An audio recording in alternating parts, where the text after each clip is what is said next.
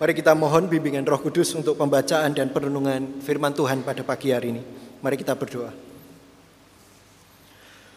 Tuhan Allah Bapa kami yang begitu mengasihi kami, kami rindu menyambut pengampunan dosa. Kami ingin menyambut keselamatan yang Tuhan tawarkan melalui kehadiran Kristus. Dengan sikap iman yang bukan hanya mengatakan iman percaya kami, tetapi juga sikap iman yang berbuat sesuai dengan apa yang Tuhan harapkan dalam hidup kami. Karena itu ya Tuhan, biarlah dengan kuasa roh kudusmu, Engkau menolong, memampukan kami untuk berubah, serta memperbaiki segala kesalahan kami melalui firman-Mu yang akan Kau taburkan. Biarlah dengan kerendahan hati kami kembali belajar bersama-sama dan pada akhirnya kami juga dimampukan untuk menyaksikan sang terang. Melakukan apa yang benar, apa yang baik di mata Tuhan. Kami berdoa di dalam nama Tuhan Yesus. Kami siap untuk mendengarkan firman-Mu. Amin. Yohanes Pembaptis memberi kesaksian di hadapan banyak orang tentang Yesus sang terang itu. Dan dengarkanlah firman Tuhan yang diambil dari Yohanes pasalnya yang pertama. Ayatnya yang ke-6 hingga ayatnya yang ke-8 dilanjutkan ayat 19 sampai 28. Yohanes pasalnya yang pertama ayatnya yang ke-6 sampai dengan ayatnya yang ke-8 kemudian dilanjutkan 19 sampai 28. Datanglah seorang yang diutus Allah namanya Yohanes. Ia datang sebagai saksi untuk memberi kesaksian tentang terang itu supaya oleh dia semua orang menjadi percaya.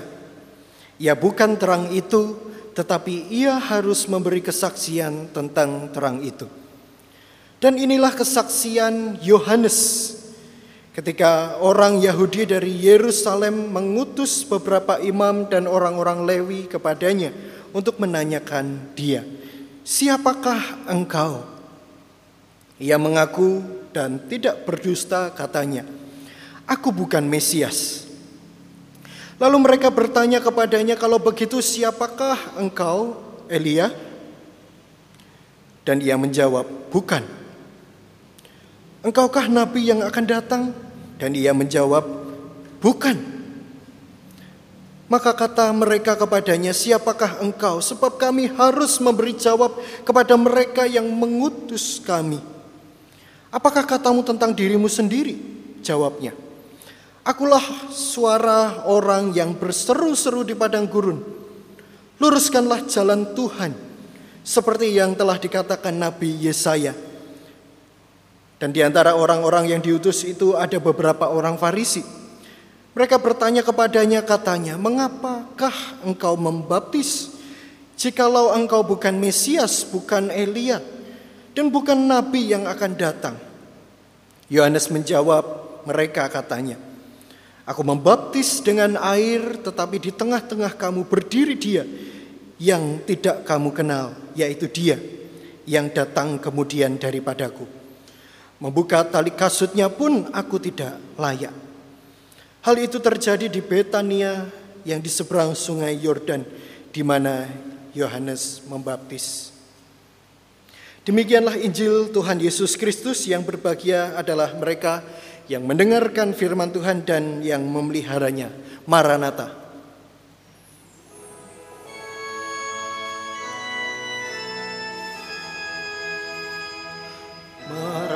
Maranatha, Maranatha, Maranatha.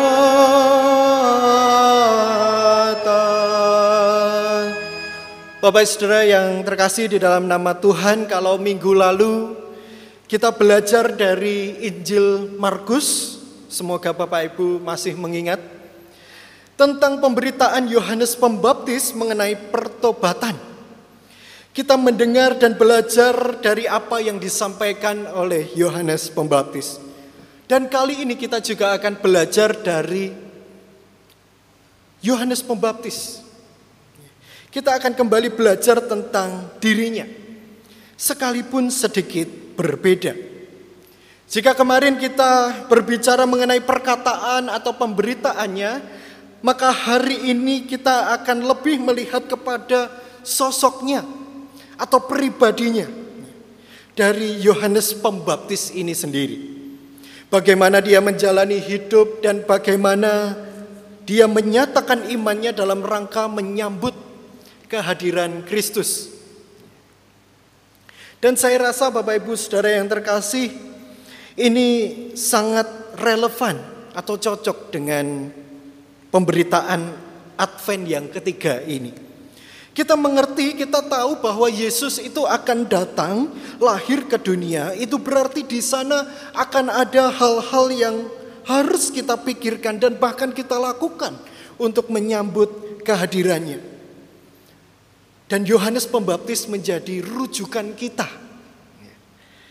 untuk kita belajar mengenai hal ini. Sebelum kita masuk di dalam uh, perenungan tentang ayat kita, Bapak Ibu Saudara, saya ingin bertanya kepada kita sekalian. Jika Bapak Ibu Saudara ditanya atau diberi pertanyaan menjadi pembawa berita, apakah itu menyenangkan bagi kita? Saya menganggap bahwa kita juga sebagian besar dari antara kita, oh tentu Menjadi pembawa berita itu sangat menyenangkan. Apalagi ketika berita itu adalah berita yang hangat, yang ramai diperbincangkan banyak orang, diharapkan banyak orang. Belum banyak orang yang tahu, wah menyenangkan sekali Pak. Kita berpikir bahwa orang lain pun juga harus tahu apa yang saat ini kita tahu. Belum lagi biasanya berita terkini atau berita yang terbaru itu selalu ditunggu-tunggu, bukan?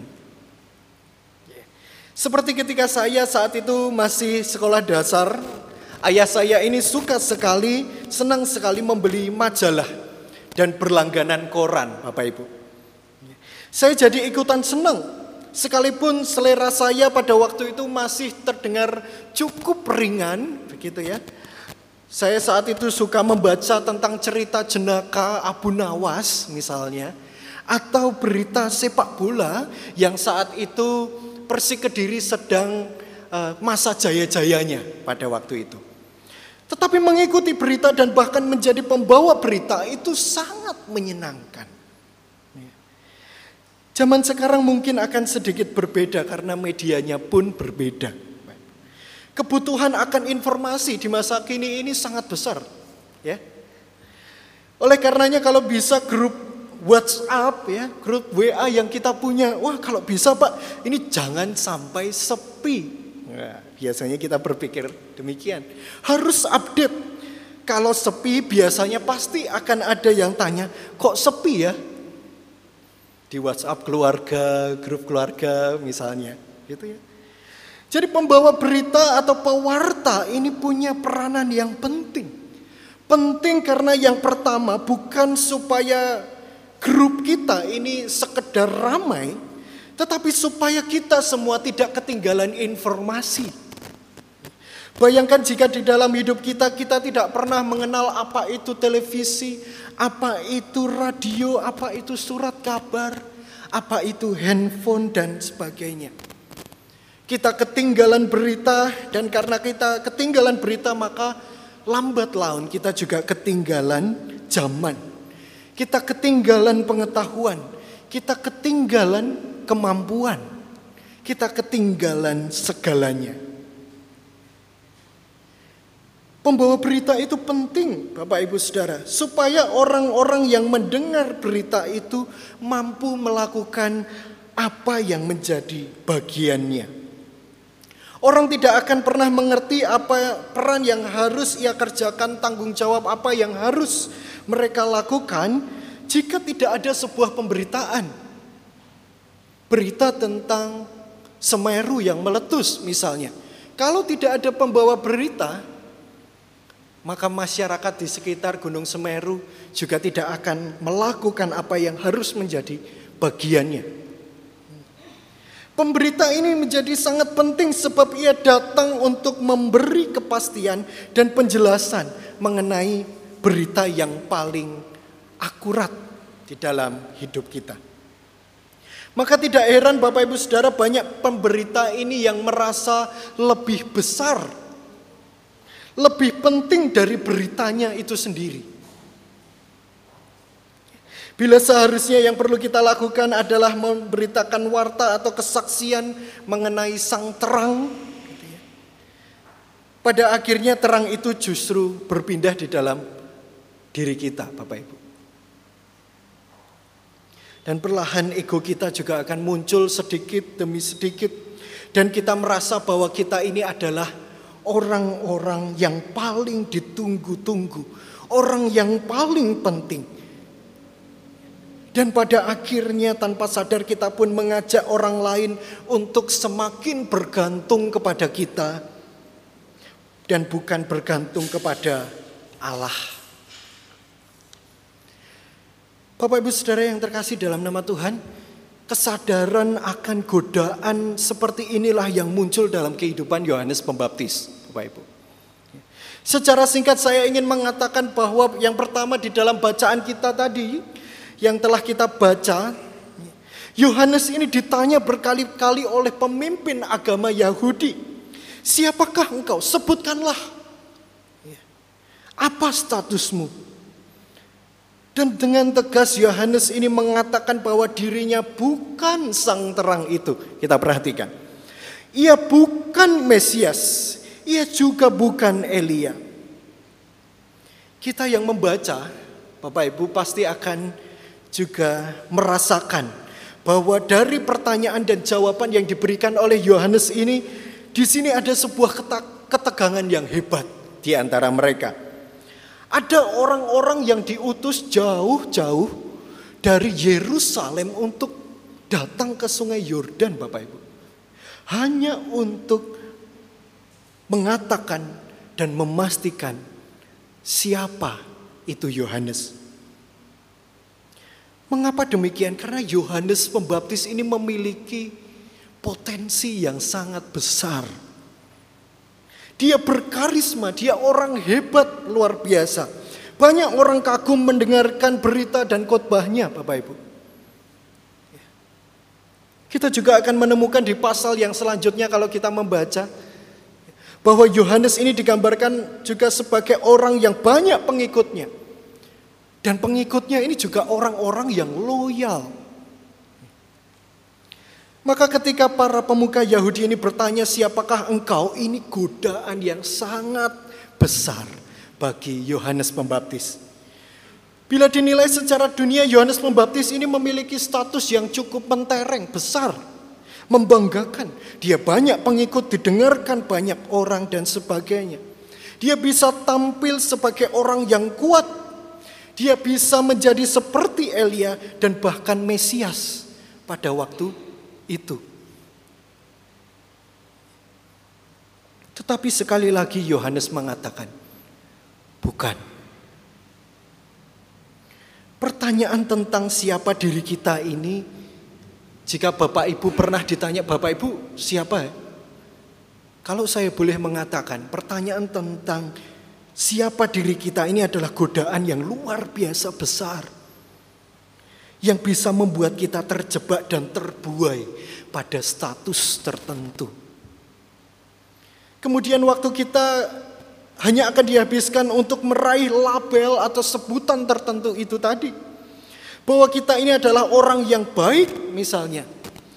Namun kita tidak berpikir kritis apakah saya ini memang benar-benar mengupayakan kebaikan di dalam hidup ini. Saya tidak jenuh untuk mendorong kita sekalian untuk berhenti terbuai akan status dan terus bertanya siapakah diri kita ini. Dan kira-kira apakah yang harus saya lakukan sebagai murid Kristus ketika saya merasa lemah, tidak tahu apa-apa, atau sebaliknya ketika berkat Tuhan itu ada di dalam hidup kita, siapakah diri kita? Perlu diperhatikan di sini bahwa saya tidak berusaha untuk mengajak kita tidak boleh mengatakan tentang status. Kita bahwa kita ini adalah orang Kristen, kita ini adalah umat pilihan Allah dan sebagainya itu. Tapi mari Bapak Ibu Saudara kita sedikit menunduk. Sebab melalui kerendah hatian manusia itu akan cenderung lebih mudah berpikir tentang peran yang perlu kita lakukan atau perlu kita usahakan. Sebagai contoh, Bapak Ibu pernah berbicara atau berdialog dengan orang yang sombong, Bapak Ibu atau gengsinya tinggi. Tentu akan sangat berbeda ketika kita berbicara kepada orang yang sangat rendah hati. Bukan? Bapak Ibu Saudara yang terkasih, mengapa saya mengatakan hal ini? Sebab kehidupan manusia itu tidak pernah dilepaskan dari apa yang namanya status dan juga peran. Kita tahu persis bahwa dua hal ini berkaitan satu dengan yang lain. Namun pada kenyataannya dinamika kehidupan manusia tidak selamanya memikirkan status dan peran ini sebagai dua hal yang saling berkaitan, layaknya mata uang koin. Masyarakat kita ini saat ini sedang terbelah, Bapak Ibu.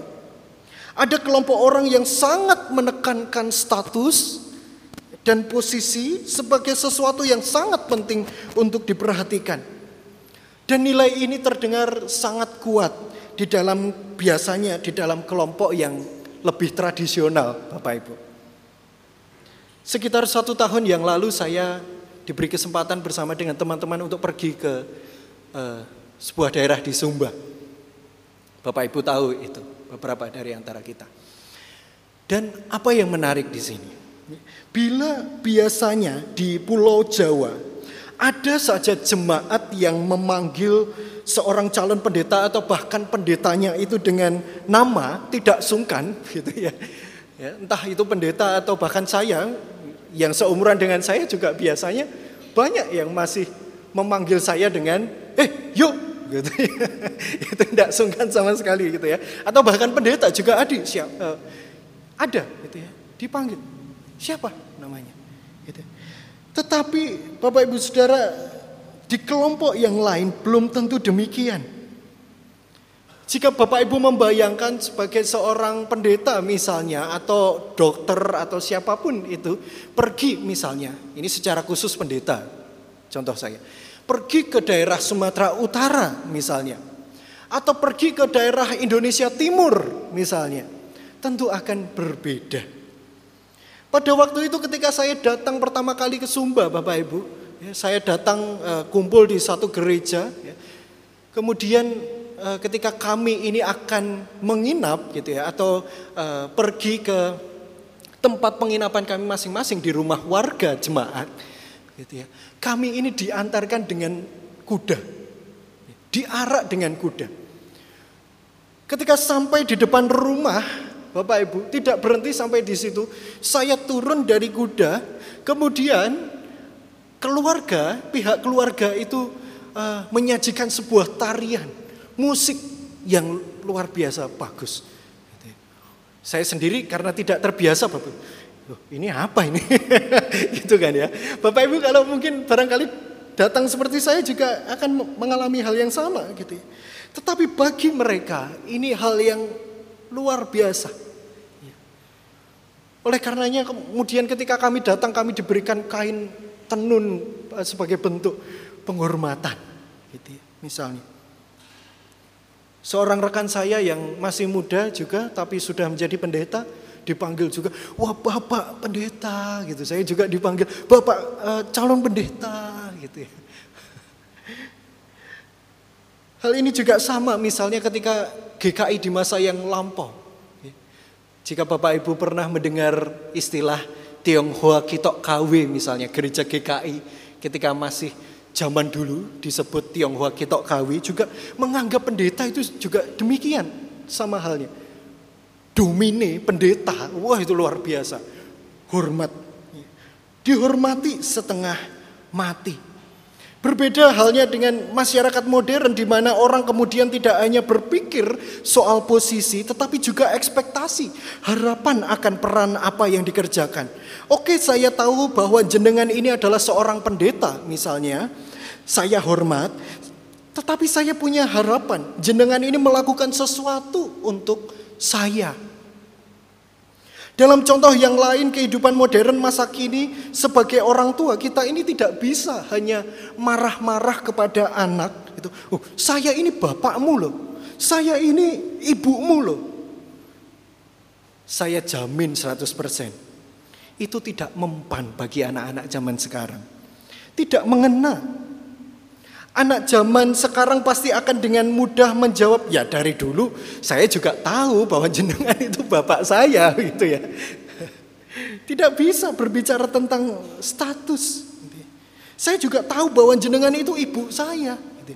Tetapi saya punya harapan bahwa seorang ayah atau ibu itu melakukan sesuatu untuk saya. Peran ini menuntut negosiasi, peran ini menuntut untuk saling mengerti, saling berdialog, menemukan sesuatu. Peran ini menuntut kita untuk mengerjakan sesuatu. Dan orang yang tidak memenuhi peran sekalipun dia ini mempunyai status atau posisi, siap-siap saja, bisa saja diprotes paling tidak. Atau tidak didengarkan. Yang paling mudah contohnya adalah ketika kita menjadi orang tua bagi anak, banyak orang tua yang mengeluh di masa kini, gitu ya. Mengapa Pak kok anak saya ini tidak gampang manut dengan saya? Tidak mendengarkan saya. Pertanyaannya adalah bisa jadi mungkin saja bahwa anak kita ini tidak merasakan bagaimana peranan kita sebagai orang tua misalnya. Ada hal-hal atau ada harapan spiritual yang tidak terpenuhi. Menjadi contoh yang baik dan benar. Ada hal-hal yang mungkin tidak tersampaikan kepada mereka sebagai anak. Sekarang ini kita ini tidak bisa berhenti hanya pada status Bapak Ibu. Karena ketika kita berbicara hanya tentang status, jangan-jangan kita ini sedang tidak kritis.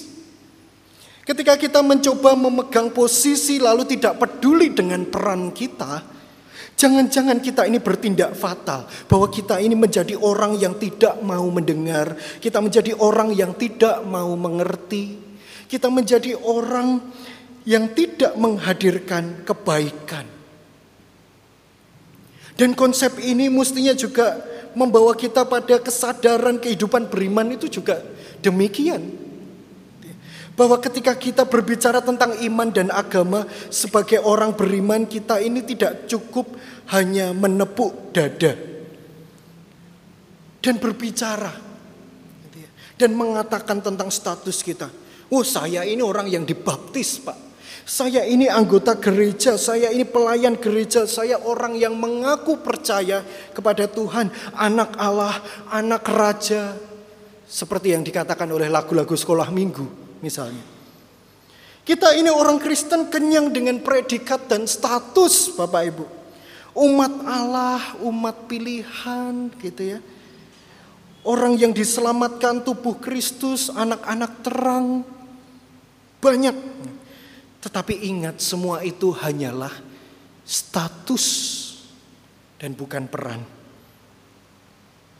Pertanyaannya apakah saat ini kita sedang berada atau berhenti di titik kita menepuk dada kita, merasa bangga, merasa tahu apa yang seharusnya dikerjakan. Di negara kita, Indonesia ini Bapak Ibu, agama apa pun masih memiliki konsep yang semacam ini. Bahwa ketika saya masuk ke tempat ibadah, saya masuk ke gereja melakukan ritual agama, keluar dari gereja, langsung beranggapan bahwa dirinya atau diri kita ini adalah orang yang baik. Kalau saya sudah berbicara tentang Tuhan, berbisnis uh, tentang uh, agama atau ketika kita memakai atribut tertentu, agama tertentu, misalnya, oh berarti saya adalah orang yang baik. Kita tidak kritis lagi untuk memikirkan apa yang harus kita kerjakan. Seandainya saya, kalau saya menjadi seorang pendeta Bapak Ibu, apakah itu berarti bahwa secara otomatis saya adalah suami yang baik? Belum tentu. Apakah kalau saya menjadi aktivis gereja, pelayan gereja seperti ini gitu ya? Apakah secara otomatis bahwa kita ini adalah orang yang benar? Seorang bos yang baik, karyawan yang jujur, mahasiswa yang memegang nilai kehidupan dengan kuat gitu. Belum tentu. Sebagai akhir refleksi kita hari ini Bapak Ibu, kita melihat Yohanes. Bahwa ketika Yohanes mengatakan bahwa dia bukan Elia, bukan Mesias, dia mencoba mengatakan bahwa akan ada yang lebih besar daripada aku. Dia menunjukkan tentang apa yang semestinya ia lakukan. Dia merasa bahwa tidak bisa hanya diam diri gitu ya, dengan statusnya, tetapi ia berusaha untuk membawa banyak orang mengerti, mengenal dan melihat Kristus. Kita harus berani belajar seperti Yohanes yang merendahkan hati, Bapak Ibu. Membuat diri dan banyak orang ini tertuju pertama-tama bukan kepada diri kita, tetapi kepada Kristus. Sebab Yesus Kristus adalah pusat dari segala kemuliaan diri dan kehidupan kita. Amin. Tuhan memberkati.